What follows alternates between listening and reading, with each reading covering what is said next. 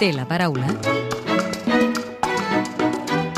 Soc la Dolors Sabater Puig, presidenta del grup parlamentari de la CUP Un nou cicle per guanyar. Quina ha de ser la resposta a la sentència judicial que obliga a impartir un 25% de classes en castellà a l'escola? Ha de ser la defensa de la sobirania d'aquest Parlament, la decisió sobre el model lingüístic, el model d'escola que tenim en aquest país, no es pot prendre eh, per part dels poders judicials. És una decisió que ens toca a nosaltres i aquí ja hi ha un consens majoritari i hem de defensar aquesta sobirania. Defensar la sobirania del Parlament, com vostè diu, vol dir que no s'ha d'acatar aquesta resolució judicial? No s'ha d'acatar, i però sobretot el que qui ha de prendre la responsabilitat de pensar com ho ha d'afrontar és el govern. El que no es pot de cap manera és deixar que siguin els centres educatius els que hagin d'afrontar a una, una complexitat com aquesta, no? És a dir, hi ha d'haver una eh, proactivitat del govern de fer-se càrrec directament de la responsabilitat que comporta respondre en la defensa del model que tenim i de no acceptar aquesta ingerència judicial. Creu que el PSC s'ha desmarcat del consens de la immersió lingüística?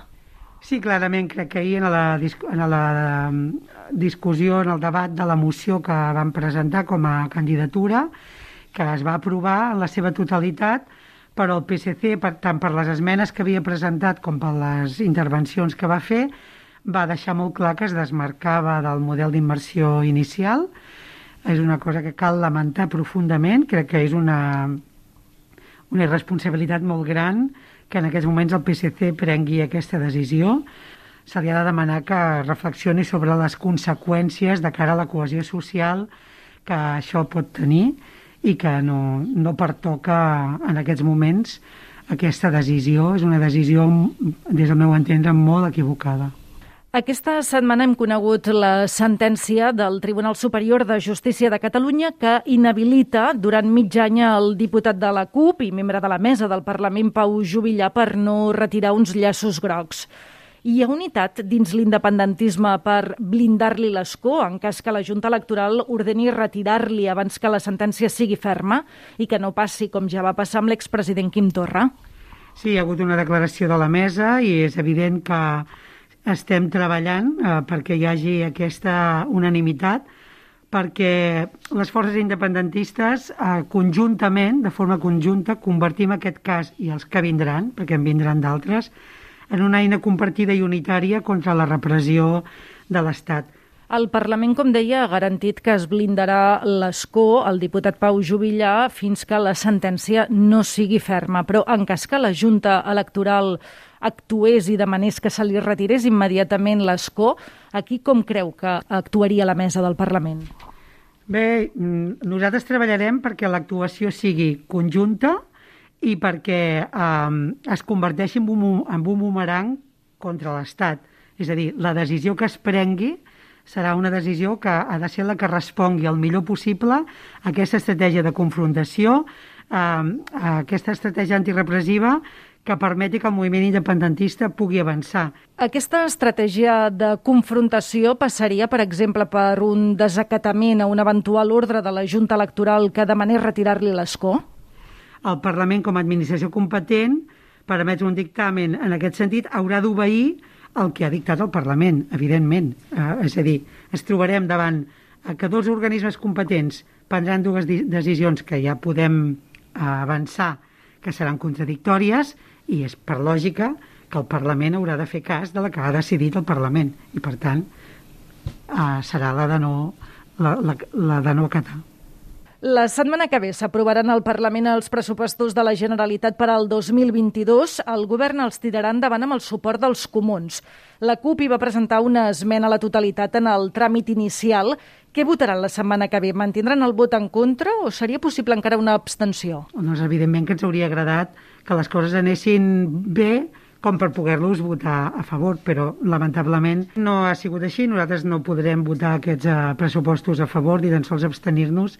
Uh, aquests pressupostos s'aprovaran amb, la, amb els col·laboradors necessaris que en què s'han convertit els comuns, que s'han convertit els col·laboradors necessaris per sostenir la sociovergència, tant a l'Ajuntament com a la Generalitat com a l'Estat, i diríem que veurem amb tristesa com aquest govern eh, s'haurà doblegat definitivament a les pressions de foment i de l'Estat quan el que tocava era plantar-hi cara. Tot i el rebuig del seu grup als pressupostos, el pacte d'investidura que van signar amb Esquerra a principis d'aquesta legislatura segueix vigent? Nosaltres hem complit la nostra part, el govern no ha complert la seva. Eh, per tant, eh, aquest pacte segueix obert perquè s'ha d'acabar de complir tot el que van pactar.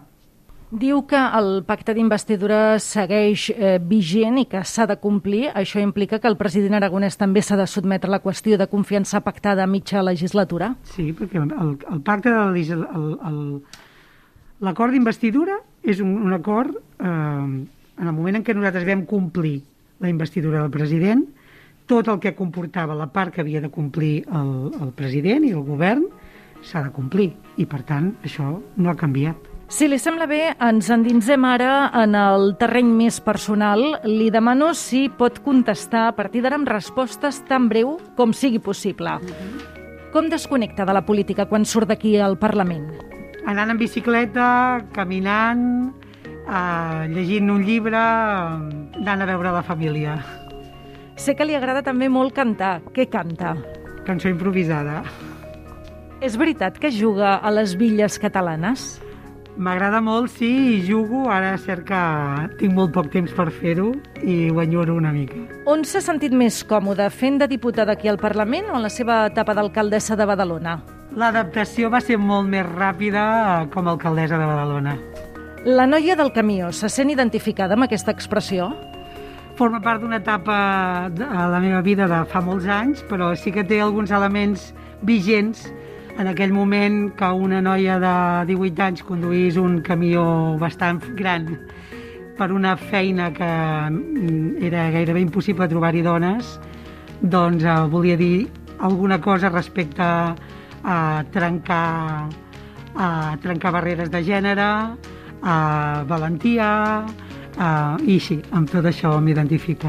Amb quin diputat o diputada que no sigui del seu grup compartiria una sobretaula distesa? Amb l'Alba Camps. I ja per acabar, completi la frase següent. El que més m'agradaria del món és... Que no hi hagués injustícies. Dolors Sabater, presidenta del grup parlamentari de la CUP, un nou cicle per guanyar. Gràcies per atendre'ns a l'hemicicle de Catalunya Informació. Gràcies a vosaltres per la feina que feu cada dia.